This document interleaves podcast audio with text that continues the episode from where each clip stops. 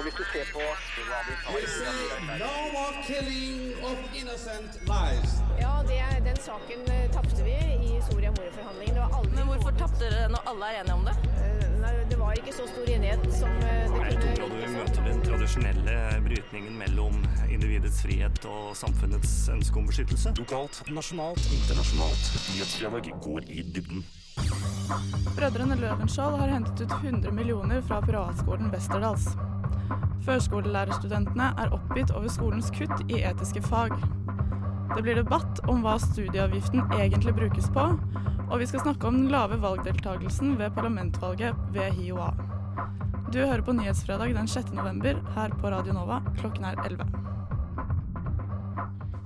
Velkommen til denne ukens Nyhetsfredag, programmet som gir deg studentnyhetene fra Oslo og Akershus.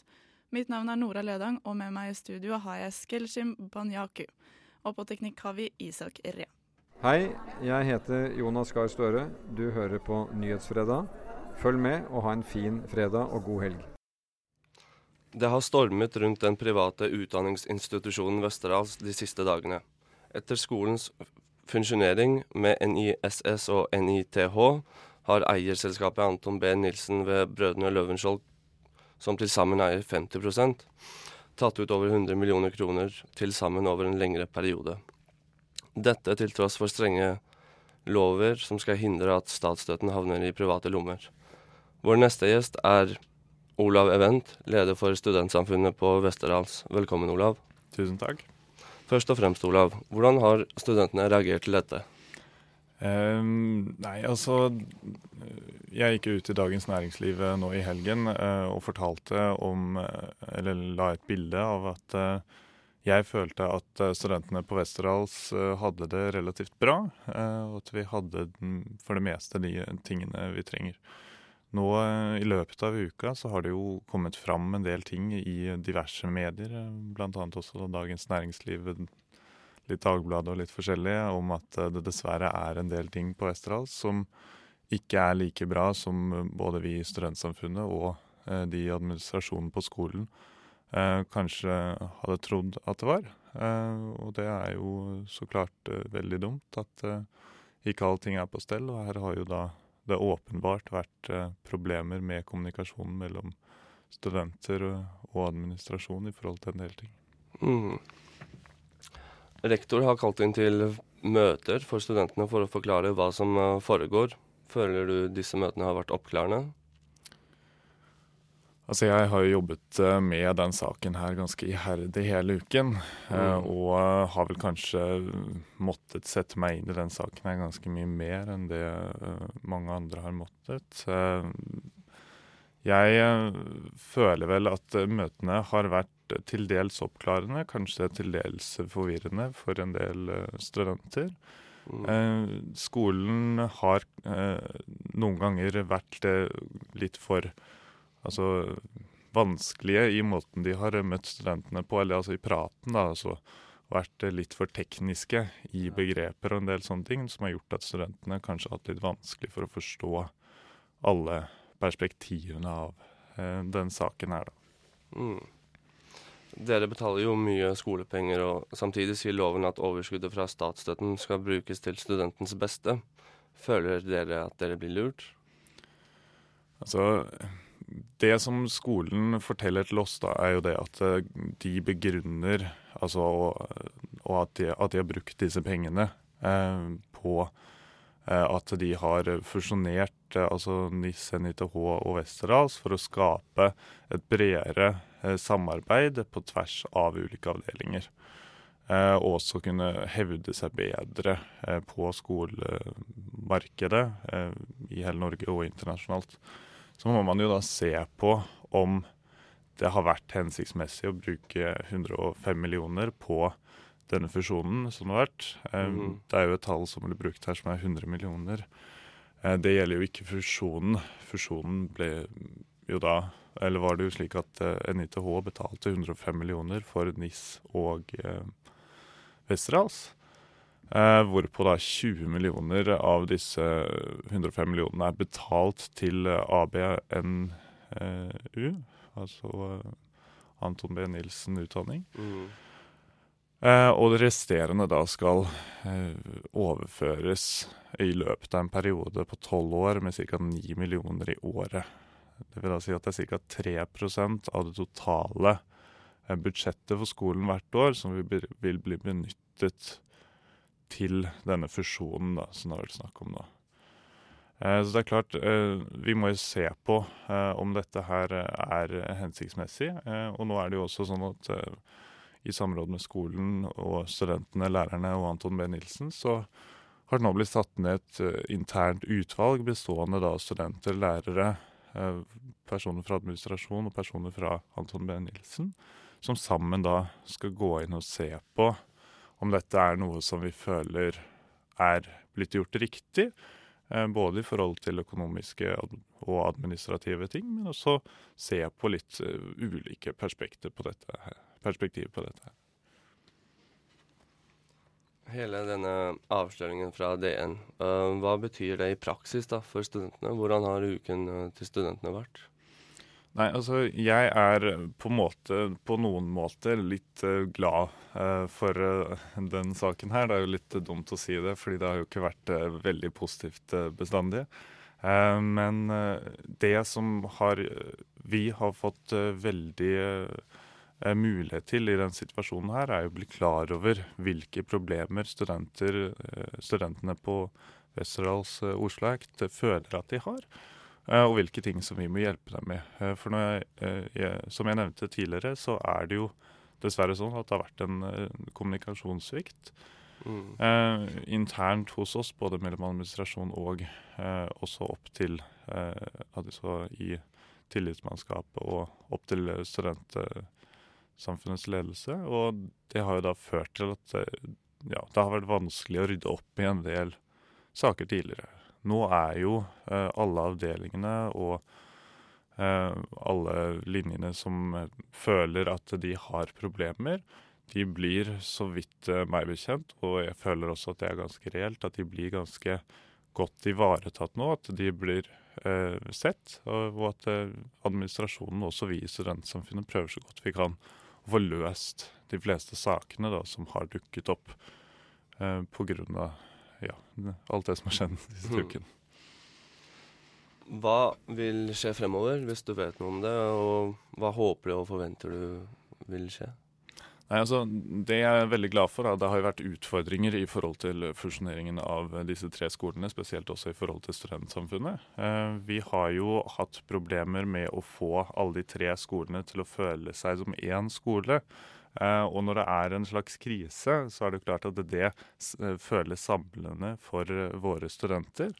Og det gjør jo da også at flere fatter interesse for studentsamfunnet og for det arbeidet som eh, vi gjør. Og det føles eh, for meg som om også eh, studentene skaper tettere bånd eh, seg imellom. Eh, og det er jo en veldig positiv effekt av eh, det som har vært nå.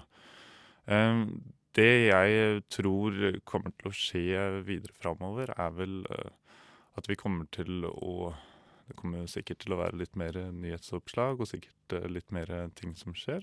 Men forhåpentligvis så vil det jo Eh, blir løst eh, på en måte som studentene føler at de har blitt hørt i saken, og at de føler at, eh, at de ikke har blitt lurt på noen som helst slags måte. Da. At dette her blir ja, føles som at når det nå har blitt belyst, at det blir gjort på en riktig måte. Så mm, ja, jeg tror vel og håper jo at, uh, at denne fusjonen har vært til Westerdals Oslo Act sitt uh, beste. Mm. Um, så blir det jo spennende å se hva dette utvalget som blir satt ned nå, uh, finner ut etter hvert. Det har jo fremdeles ikke gått en uke siden denne avsløringen har kommet, men har, du, har det resultert til at studenter har valgt å avslutte sin utdanning på Westerdals? Har du merket noe? Det er ikke noen ting som jeg har fått noen tilbakemeldinger på i det hele tatt. Jeg tror at utdannelsen som veldig mange tar på Westerdals, er eh, noe som er eh, en slags del av deres eh, identitet. Det er veldig mange av våre studenter som har veldig sterke bånd til den utdannelsen som de tar, og til Westerdals generelt sett. Og jeg tror det skal ganske mye til for at noen på en måte skal gi seg, istedenfor da å prøve å løse problemene. Og det er jo positivt for så vidt for skolen og for studentene, men det gjør jo at vi må eh, sette et sterkt fokus nå på å, eh, å, å, å, få studentene til å føle at de blir sett. Vi har jo hatt eh, forskjellige saker som er viktige å ta tak i, og hvis ikke de føler at det blir gjort noen ting nå, så er det jo klart, da er det jo en reell mulighet for det. Tusen takk for at du kunne være med oss i dag, Olav. Takk for at jeg fikk være her.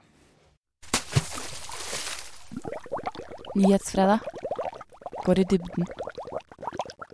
HiOA har den siste tiden gjort dramatiske kutt i opplæringen av estetiske fag for barnehagelærerutdanningen. Reporter Amalie Widerberg snakket med studentene ved eh, Høgskolen i Oslo og Akershus, Tina og Even, om deres meninger omkring disse avgjørelsene. Hva tenker dere om kuttene Høgskolen i Oslo og Akershus har gjort i de estetiske fagene? Jeg tenker, eh, for å si det litt sånn banalt, så er det helt eh, hårreisende og forferdelig. Det, det, de gjør, er jo egentlig å fjerne en av de viktigste fordypningene vi har. Dramatisk lek og læring, som lærer oss studenter og gir oss impulser til å eh, møte, møte, barns lek på en god måte. Eh, og ved å fjerne våre muligheter til å leke i trygge former før vi skal ut og lede andre voksne mennesker i eh, arbeid med drama, det er eh, svært betenkelig. Hva tror dere bakgrunnen for disse kuttene er? Jeg, jeg, jeg, skjønner ikke det. Altså, det er jo det at folk sitter og ikke har peiling, peiling på hva barnehage egentlig er. Eh, og at det der er politikere som, eh, som skal spare penger. Det er jeg vil tro at det er det økonomiske aspektet. Det er, uh, denne fordypningen er på lik linje med forming en fordypning hvor det er plass til færre studenter enn enn på mange av de andre fordypningene. Det er en praktisk rettet fordypning som gjør at vi, vi trenger, vi trenger, pl mer plass enn de som sitter stille og lytter til en foreleser. Vil du si det er viktig for barna å lære i tidlig alder hvordan de uttrykker seg estetisk? Ja, jeg tenker at det er uh, veldig viktig. Uh, uh, men barna tenker nok ikke at det, nå lærer jeg å uttrykke meg estetisk. Men nå har det jo blitt forska på og blitt kommentert nylig i, i media at noe av det det stedet barn lærer språk best, er gjennom den frie leken og da, da, kan man jo se på late som-leken og den dramatiske leken som eh, Den er jo tilnærma fri, den også. Og, og, det å kunne være en voksen i barnehagen som eh, forstår barns estetiske måte å uttrykke seg på, det er veldig viktig for å kunne gi de videre impulser i leken. Barn lærer å leke, og de eh, eh, le, lek gjør at eh, barn eh, rett og slett de lærer å leke, de lærer å kommunisere med andre, de bruker kroppen sin. De bruker sine estetiske kunnskaper ved å få lyst til å bygge noe når de lager seg en fabel. Eh, og det beriker kommunikasjonen mellom barn, og kommunikasjonen mellom barn og voksne. Hvis, eh, eller vi som går her, vi lærer jo å forstå barns lek og se barns eh, lek ut ifra et estetisk uttrykk. Og da kan vi møte barns lek og leke med Eh, på et mer likeverdig plan. Og barn leker ofte ut følelser og tanker som handler om det, det, de er opptatt av. Og det ville man som barnehagelærer kanskje ikke fått vite sånn uten videre. Eh, leker, de dø, leker, de at de dør, så handler det ofte om at de er vel enten altså, tiltrukket av døden eller syns det er et eh, litt skummelt tema, men at det kan ufarliggjøres gjennom lek. Vil du si at denne kunnskapen er eh, mangler hos flere barnehageansatte? Skal ikke jeg Det er litt sånn farlig å si at det mangler, men eh, jeg syns jo selv eh, gjennom eh, denne høsten at jeg har lært meg å se leken med nye øyne. Ved å se på den som en estetisk teaterform, så ser jeg, ser jeg, leken med rett og slett med teaterbriller og ser at leken er Den er veldig, veldig spennende. Det skjer veldig mye i barns lek, og jeg har blitt mer, mye mer oppmerksom på leken deres og forstår Forstår mer av hvordan jeg skal tilnærme meg med barna i deres lek for å opprettholde en spennende lek. Og leken kan vare veldig lenge ved hjelp av voksne som forstår hvordan de skal tilnærme seg eh, barnas lek. Da. Enten ved at det, det, kan ofte, som voksen kan det ofte handle om at uh, man trenger ikke å være med som skuespiller, men man kan uh, bidra med stoffer, eller bidra med å, å skjerme barna, så de barna som leker sammen, kan få lov til å fortsette å skape en, en historie. Hvordan ser fremtidens barnehager ut hvis denne kuttingen fortsetter? Jeg mener jo at det blir dårligere barnehager av det. Hvis uh, man ikke, på, ikke får uh, muligheten til å eksperimentere og, og, lære seg gjennom egne erfaringer med, med kroppen sin på, i, i, studietiden, så blir det vanskeligere å, for mange å møte barns lek ute i barnehagehverdagen. Og det blir, det blir vel mye mer skolsk? At barn må sitte og lære? Eh, og vi har personale som ikke har kompetanse om, om hva, det, hva, som foregår i leken.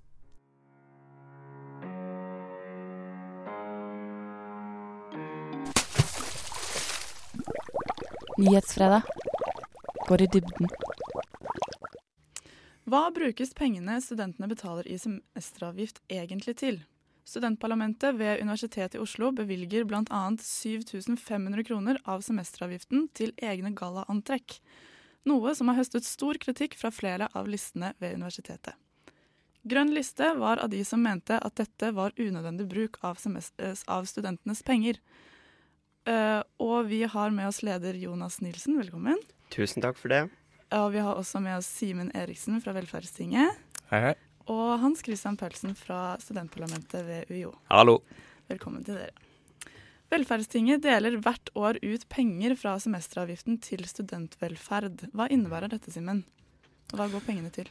Um, vi uh, fordeler i år rundt uh, 24% av eh, det studentene betaler inn i semesteravgift. Det går til, først og fremst til studentmediene, sånn som Radio Nova her, og Universitas. Og en god del til forskjellige kulturinstitusjoner, som f.eks. Det Norske Studentersamfunn, der vi også sitter nå. Og uh, en god del penger til uh, mindre foreninger gjennom Velferdstingets uh, kulturstyre. Ja.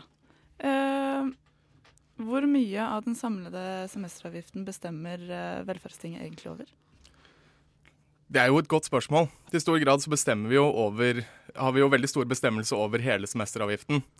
Men uh, hvor mye vi direkte fordeler uh, Vi har som sagt i år søkt om å få fordele 24 av den totale semesteravgiften. Det er da 16 400 000. Ja. Jonas, hva mener dere at pengene burde bli brukt til? Ja, nå kan jo jeg først og fremst kommentere studentparlamentet sitt budsjett. Og det er jo også det vi i Grønn liste har kritisert. Vi har jo ikke har ikke kritisert velferdstinget eller deres fordeling av pengene. Um, når det er sagt, um, så er det jo sånn at når man er tillitsvalgt, så skal man være veldig, veldig varsom med hvordan man forvalter fellesskapet sine penger. Og vi mener at studentparlamentet ikke forvalter disse på en god måte. Det er to hovedproblem. For det første så bruker studentparlamentet altfor mye penger på seg sjøl. Uh, man bruker 7500 på å kjøpe kjoler og smokinger. Men man bruker også 20 000 på studentparlamentsfester. Man bruker 12 000 på å kjøpe aviser. Man bruker 30 000 på å dra på hotell og ha seminar. Og dette samtidig som man har et budsjett som går i underskudd, når revisoren har sagt at man bør ha et budsjett som går i overskudd. Dette mener vi er helt uansvarlig. Ja. Um, hva med deg, Hans Christian? Hva mener dere at uh, pengene burde brukes til? Um, jeg syns det er interessant hvis um, rettferdighet om hvordan man bruker penger skal avhenge av hvor skinnende de tingene Hvis det er en smoking, så er det galt. Um, er det en kjeledress, er det riktig. Og jeg lurer på om du mener at det er riktig at flyvertinner f.eks. hos Ryanair skal betale for sine egne uh, antrekk. Um, og selv om det er mindre glamorøst enn et smokingantrekk, så er det en like stor del av vår arbeidshverdag og like ekstraordinært i forhold til den garderoben vi har fra før av. Og hvis det er det som er fundamentet for argumentasjonen, så er jeg uenig med deg. Mm. Jeg mener at uh, uh, smoking i seg sjøl er ikke egentlig problemet her, men at det er et symptom på et mye større problem, som går på dette som jeg eh, var inne på, at studentparlamentet bruker for mye av pengene sine på seg sjøl. Og dette samtidig som man har et budsjett som går med underskudd. Det er jo det som er uansvarlig. Når man har et budsjett som går i underskudd, så må man jo kutte utgifter. Og da bør man jo kutte først de utgiftene som man bruker på seg sjøl. Som man bruker på middager til seg sjøl, som man bruker på aviser til seg sjøl, som man bruker på fester til seg sjøl. Vil du svare? Og det er et bedre argument. Hvis du vil kutte i, i fester og i aviser, så kan vi begynne å snakke. Kutte i arbeidsantrekk til ekstraordinære uh, ting som inngår i den jobben du har, Jeg er ikke med på. Nå skal det sies at vi har en halv million kroner i egenkapital. Um, revisorer plikter til å si det etter, etter gode regnskapsføringsstandarder. UiO er juridisk forplikta til å finansiere oss. Så vi står ikke i fare for, å, for, at vi ikke kommer til å klare å finansiere oss selv. Nei, men hvis man tærer på egenkapitalen år etter år, så vil ikke egenkapitalen holde så veldig lenge. Eh, derfor så burde man i det minste ha gått i null. Men når man da går i minus, samtidig som man bruker penger på alle de tingene som eh, vi har vært inne på, så er det uansvarlig. Og det er det som har vært vår hovedkritikk, at studentparlamentet bruker pengene på en uforsvarlig måte. Men uh, så disse pengene vil dere heller at skal gå i overskudd. Uh, vil, dere, vil, dere, heller brukt pengene på noe annet hvis du hadde fått bestemme? Ja da, og i møtet så kom det opp veldig mange gode forslag til hvordan man kunne, kunne bruke penger. Og studentparlamentet stemte jo også for å øke flere av postene. Så det er mange gode formål man kan bruke penger til. Blant annet så deler jo studentparlamentet ut penger til studentforeningen på eh, UiO. Og det tenker vi er en veldig god måte å bruke penger på. Mye bedre enn å holde fester til 20 000 kroner. Mm. Simen, eh, hva syns eh, dere om eh, eh, deres prioritering av pengene? Uh, jeg tror ikke jeg til særlig stor grad skal legge meg borti hvordan uh, eierne våre, altså medlemsinstitusjonene våre, velger å bruke sine egne penger. Det som er litt relevant for vår del, er jo at uh, det nå fra neste år og utover vil være sånn at det ikke lenger vil gå penger fra semesteravgiften, altså fra studentenes penger, til å finansiere de andre studentdemokratiene. Det er jo sånn at det står i universitets- og høyskoleloven at, som Hans Kristian var så vidt inne på her, at utdanningsinstitusjonen er pliktig å finansiere sitt studentdemokrati. Og det krever vi nå at institusjonene følger opp. Sånn at man vil få en mye mer riktig finansieringsordning når f.eks. studentparlamentet ved UiO nå skal finansieres gjennom UiO med penger fra Kunnskapsdepartementet, heller enn at det må gå flerfoldige 100 000 av studentenes penger til å sørge for deres overlevelse. Men på den andre siden så gjør jo det også at fra neste år så gir ikke vi noe penger til studentparlamentet ved Universitetet i Oslo, og dermed skal jeg ikke mene noe som helst om hvordan de skal bruke penger det neste året. Eh, men eh, hva mener dere er de viktigste prioriteringene nå for pengene? Det viktigste med alt som handler om studentenes penger, er jo at mest mulig av dem går tilbake til studentene. Mm. Uh, selvfølgelig. Det er jo en veldig generell betraktning, men det er det aller viktigste. Det er uh, derfor, når vi har fordelt penger nå, uh, så har vi først og fremst sett på hvor mye de som søker penger, trenger pengene. Og så har vi sett på til hvilken grad de kan nå ut til flest mulig studenter med et godt tilbud.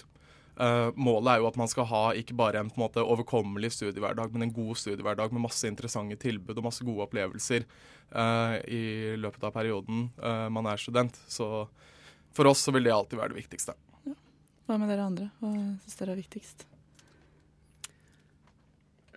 Det er, er selvfølgelig viktig, men det ligger ikke i vårt mandat. Vi driver med politikk, um, og vi representerer studentene som en interesseorganisasjon. Og da er det andre ting som er viktige, um, bl.a. De, de tingene Jonas har vært inne på. Men vi er absolutt åpne for å, for å, diskutere hvordan de tingene skal prioriteres. Nå skal det sies at jeg er ikke for å kutte alt i én bolk. Når vi kutter så mye vi klarer, så håper vi at fremtidig arbeidsutvalg vil fortsette å kutte. Og vi har fått tydelige signaler fra UiO sin ledelse om at det er ikke noe problem å eh, bevilge oss mer penger enn det vi får i dag, og da løser problemet seg selv. Eh, men hvis du mener at det er prinsipielt galt at vi bruker penger internt på den måten vi gjør, så er det en diskusjon vi må ta òg, så klart. Ja da, nei, altså selvfølgelig skal man bruke noe penger internt også, men det er mengden penger som gjør at dette er problematisk. Og jeg er jo eh, jeg er jo veldig glad for at du sier at du er åpen for å diskutere dette. Og det kommer jo ikke som noe overraskelse, for jeg kjenner deg jo som en ansvarlig fyr også. Um, så jeg tenker nok at uh, også du hadde syntes det hadde vært best hvis vi kunne ha gått med overskudd. Egentlig ikke, for det, historisk sett i studentbevegelsen så er det et stort problem at en allokerer altså en får masse penger på bok, og så vet en ikke hva en skal gjøre med det, og så har en et stort problem med at en må bli kvitt pengene. Og da havner en i en økonomisk uansvarlig posisjon der en tenker vi må få brukt opp pengene. Hva gjør vi da? Reiser vi på turer og bruker vi enda mer penger internt, så at vi ligger sånn cirka der vi ligger nå, mener jeg er omtrent ideelt, faktisk. Ja, nei, altså det tenker ikke jeg blir noe problem. Man skal alltid finne gode formål å bruke pengene på, og da er jeg enig med Simen i at uh, mest mulig av pengene uh, bør da gå til studentene og studentarbeid. Da kunne man f.eks. ha økt potten som går til studentforeningen. Um, ja. Men har dere opplevd noe Altså har studentene reagert på at uh, pengene er blitt brukt til gallaantrekk? Har dere opplevd noe der? Nei, sånn som dette har det vært i, i ti år uh, bakover. Den eneste grunnen for at dette blir en diskusjon nå, er fordi at um, Eller kunne ha vært de siste to årene, fordi at UiO har ikke vært villig til å finansiere små beløp direkte sentralt. Uh, og i den overgangsperioden fra å være finansiert av velferdstinget til å bli finansiert av UiO, så har det da gått av studentene sine penger, mens en tidligere har fått det direkte fra, uh, altså fra universitetsdirektøren, faktisk. Ja, Så det er ikke, det er ikke noen som har uh, reagert kraftig?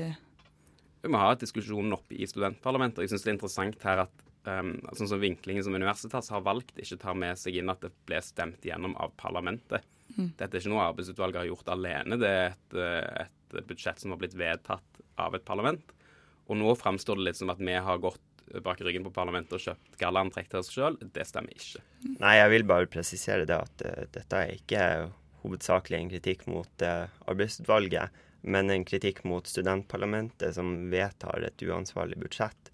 Um, studentparlamentet burde ha tatt ansvaret sitt på alvor som tillitsvalgte og forvalta fellesskapet sine penger på en god måte. Og det har de ikke gjort i dette tilfellet. Um, jeg vil jo bare si at Dette er jo litt av grunnen til at jeg tenker at det er veldig riktig at uh, universitetet nå tar ansvar og finansierer studentparlamentet sitt. fordi det betyr at fra neste år så vil det først og fremst være universitetet man må svare til uh, på hvordan man ønsker å prioritere pengene sine. Og sånn som jeg har forstått det når det er snakk om akkurat denne her saken om gallaantrekk, én ting er jo at det kanskje er en sak som, sak som det først og fremst er uh, oss studentpamper og andre studentpamper rundt i landet som bryr seg om. men hvis det er noe galt med det, da, så er det jo sånn at det er jo først og fremst universitetet selv som uh, setter opp den typen sammenhenger hvor man har behov for et gallaantrekk. Uh, og hvis det da skulle være slik at de ikke ønsker å finansiere gallaantrekk, så er det jo det en vurdering de selv må gjøre, ut fra at de setter studentparlamentet sitt arbeidsutvalg i den situasjonen. Men uansett så er nok det en veldig mye mer eh, riktig kanal. Og det jeg syns er positivt i alt dette her, er at eh, dere nå på økonomiske spørsmål kan få lov til å forholde dere til eh, universitetet deres, og så kan vi sørge for at mest mulig penger går til studentkultur og studentmedier.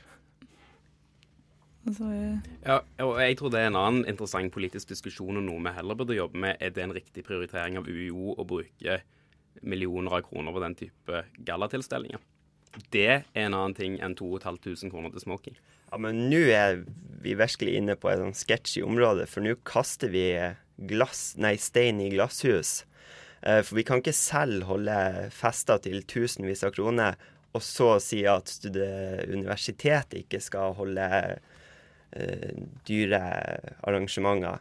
Så her må vi først sjøl ta grep, og så kan vi eh, gå i dialog med universitetet og kritisere dem. Det er jeg grunnleggende uenig i, for hvis man skal leve som en nonne før en kan kritisere noen andre, så kommer en ingen vei. Det er forskjell på, på, å ha noen av de mest formelle tilstelningene som er i landet ved siden av det kongehuset og Stortinget arrangerer, og ha en, en fest på studenthuset. Det, ja, det, er to, det, er to, helt forskjellige ting. Det er forskjell på å leve som en nonne og være litt nøktern. Og de festene som studentparlamentet holder nå, er ikke å være nøktern. Man trenger ikke 20 000 kroner for å holde fest. Hvor går grensen, da? Er det, mye, er det veldig mye bedre med 15 000 kroner, f.eks.? Er man da plutselig nøktern, eller, eller, er det fortsatt for mye? Det er jo en diskusjon som studentparlamentet burde ha tatt. Og det er jo det som jeg eh, syns er dumt i denne saken, at man ikke var villig til å ta en ordentlig diskusjon på det. Jeg, eh, nå skal jeg ta litt av meg velferdstingshatten og eh, snakke litt som en som har vært aktiv i eh, studentpolitikken på universitetet siden 2012. Det er jo én ting eh, vi til vår store fortvilelse vet med ganske stor sikkerhet, og det er jo ut fra valgresultatene på universitetet, så bryr ikke studentene seg så mye om uh, studentpolitikk. Og noe av det vi på en måte alltid da har jobba for på universitetet for å øke litt bevissthet og øke engasjement, er jo å drive med en større grad av også sosiale tilstelninger. Eh, ikke bare på en måte å pushe politikk, fordi når vi pusher politikk, så er ikke nødvendigvis det sexy, sexy nok. Uh, så på en måte Jeg vil bare si at jeg har på en måte forståelse for hvorfor man har jobba en del med å gjøre en del sosiale tilstelninger og gjøre det gøy også å delta i studentparlamentet. Uh, det er som sagt ikke sagt med velferdstingshatten på, nå kan jeg ta den tilbake på. Jonas? Ja, og det, det, er jeg helt enig i. Men det er noe med det at man skal nå bredt ut. Og man kan ikke bare holde fester og arrangementer for de som allerede er eh, engasjert. Og sånn som nå eh, eh, en stor del av det beløpet som går til studentparlamentsfester, går til julebordet som studentparlamentet skal ha. Og det er et lukka arrangement for studentpolitikere. Um, så å bruke mye penger på interne arrangementer i studentparlamentet mener vi er en dårlig prioritering. Ja, og den saken får du ta, får du ta i neste års budsjett, uh, for at nå tapte du den denne gangen. Men, men um, jeg er helt overbevist om at det ikke handler om å helle mer penger på ting. Det handler om å gjøre en bedre jobb. Uh, det, det, altså, det å bare kaste mer penger på ting som ikke fungerer, som å helle erter oppi en sekk med poteter, det forsvinner. Så det viktigste vi gjør nå, er ikke å, å, omprioritere de store pengene, men det er å omprioritere og omstrukturere måten vi jobber på. Og det er vi i gang med, og det håper jeg virkelig at vi får se resultater på til valget til våren. Mm. Ja, nå tapte vi dessverre i denne omgangen og fikk ikke noe flertall for et ansvarlig budsjett. Eh, det er selvfølgelig synd. Og så er jeg helt enig med deg at det handler også om å jobbe bedre. Men disse to tingene står ikke i motsetning til hverandre. Man kan også jobbe økonomisk smartere og jobbe bedre. Jeg tror vi setter strek der. Ja. Tusen takk. Takk for at dere kunne komme, Hans Christian Paulsen, Simen Eriksen og Jonas Nilsen. Eh, nå skal du få høre Ann Katti Koi med låta 'It's Hunting Season'.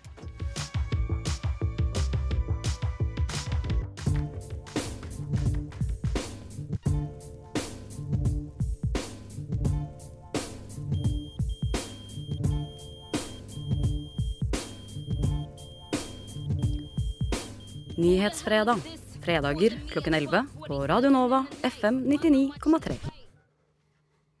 Over 20 000 har stemmerett på Høgskolen i Oslo og Akershus, men bare 1676 brukte stemmeretten ved forrige parlamentvalg. Oppslutningen har sunket fra 13,5 til 8,4% på tre år. Med oss i studio har vi Anne Mjøen, læringsmiljøansvarlig i studentparlamentet i HiO. HiOA. HiOA. Anne, hvor viktig er det at studentene stemmer? Det er kjempeviktig. Det er den eneste måten man kan si at man støtter opp under at man har et studentdemokrati. Mm. Um, og det, uh, det antallet som stemmer i valget, sier noe om vår legitimitet til å kjempe for de sakene vi kjemper om. Det at vi faktisk faktisk representerer studentene våre. Mm. Hvor mye penger har dere brukt på markedsføring? Oi, det var et godt spørsmål. Um, det er jeg litt usikker på. Det, vi har brukt eh, mye penger på stand, på, på um, dassaviser og plakater. Um, men det er jo egentlig de, de personlige ressursene det går eh, mest på, som er det viktigste. Hvilke virkemidler har eh, dere brukt i forsøk på å nå ut til, til studentene? Vi har brukt uh, veldig mange forskjellige. Um, vi har hatt eh, stander, vi har hatt et stunt for å prøve å uh, provosere studentene til å faktisk mene noe. Fordi alle stunter mener noe om stunt hverdagen sin. Um, vi har hatt uh, dassaviser med informasjon um, som faktisk fungerer ganske bra. Alle, alle sitter og leser. Um, vi har brukt uh, sosiale medier i større grad enn vi har gjort uh, tidligere. Vi har brukt Vi har samarbeidet med medieseksjonen og, og, de som jobber med kommunikasjon utad på HiOA, for å få informasjon på infotavler rundt omkring i alle bygg. Um, pauseinfo um, som forelesere kan sette på i pausene mellom forelesninger.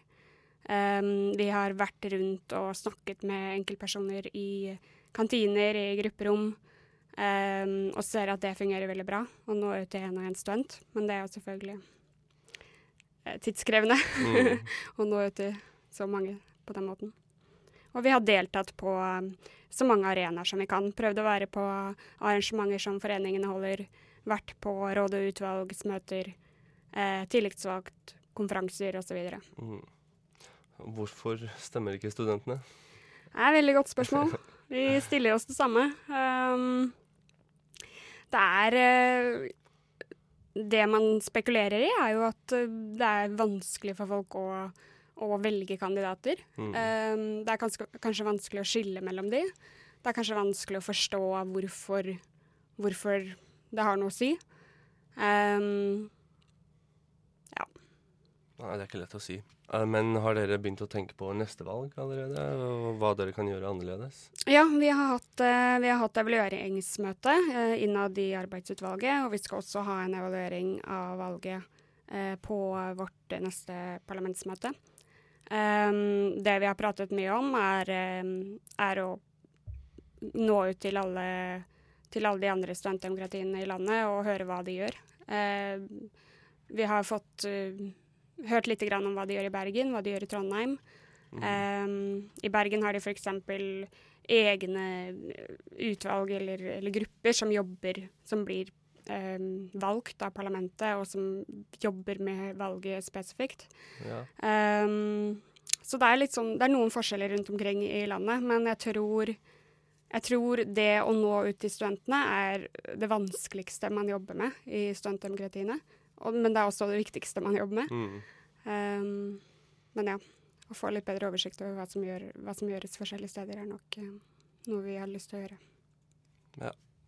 Tusen takk for at du kunne stille, Anne Mjøen. Bare hyggelig. Eh, Nyhetsfredag er over for denne gang. En stor takk til dagens gjester. Takk for oss. Mitt navn er Nora Ledang, og med meg i studio har jeg hatt reporter Skelshim Bunyaku og tekniker Isak Ree. Ikke skru av radioen. Rett etter oss kommer radiotjenesten, etterfulgt av Klagenemnda. Hør på Nyhetsfredag igjen nøyaktig om en uke. Takk for oss. Først noen ord fra Radio Novas international, eh, og, internasjonal og rekrutteringskoordinator Turner Jacobs. So, it's official. Secularism on the US in the US is on the rise. That's right, according to a recent Pew poll, many young people in America are losing interest in organized religion. So, what exactly does this mean for America's future? Are Americans doomed to suffer the consequences of moral degradation? When this new generation rises to power, will they place the faithful in chains and force them to recant their beliefs while looking down the barrel of a gun? Will God Himself unlock the floodgates of hell, cleaning the United States of the endless throngs of the non believers? Well, probably not. Some Americans, particularly evangelical Christians, are definitely worried about this development. But let's take a look at the facts. Among young millennials in the US, or people like me who were born between 1990 and 1996, only 39% pray daily. In a similar figure, only 38% of us feel that religion is important in our everyday lives. Pretty bleak, huh? Well, not quite. The poll also reveals that 80% still believe in God, among which 50% believe with absolute certainty. Not exactly a scary picture of godlessness. Nevertheless, the trend continues towards non belief, and it'll likely grow with each new generation. The religious right in America, who are pretty unabashed about their ambitions to crush secularism and establish the U.S. as a Christian nation, will have good reason to be uncomfortable in the coming years. But despite their doom ridden prognostications, they're going to be unlikely to face mass persecution or forced conversion. They're simply going to have a more difficult time trying to regulate other people's morality, and they're not going to be able to pass intolerant laws anymore. On the other side of the pond, over here, in Scandinavia, things seem to be going fine despite the high levels of secularism and non belief. People of all religions continue to practice freely. According to the Legatum Institute's recent report on prosperity, Norway, Denmark, and Sweden rank within the top five countries in terms of prosperity. That's in the entire world. The US ranks at number 11. Uh, it's not terrible, but it's hardly the hallmark of the greatest country in the world. Without presuming too much, it seems fair to say that secularism in Scandinavia has, if anything, led to a more stable, peaceful, and prosperous society. Of course, there are other factors involved, and of course, the Scandinavian countries aren't perfect. But Scandinavian but Scandinavia seems to prove religious fundamentalists in America wrong when they attribute the US's problems to declining religiosity. Ultimately, the outcome of this development remains to be seen. But until then, God can rest easy knowing that 80% of 18 to 25 year olds in America still believe in Him.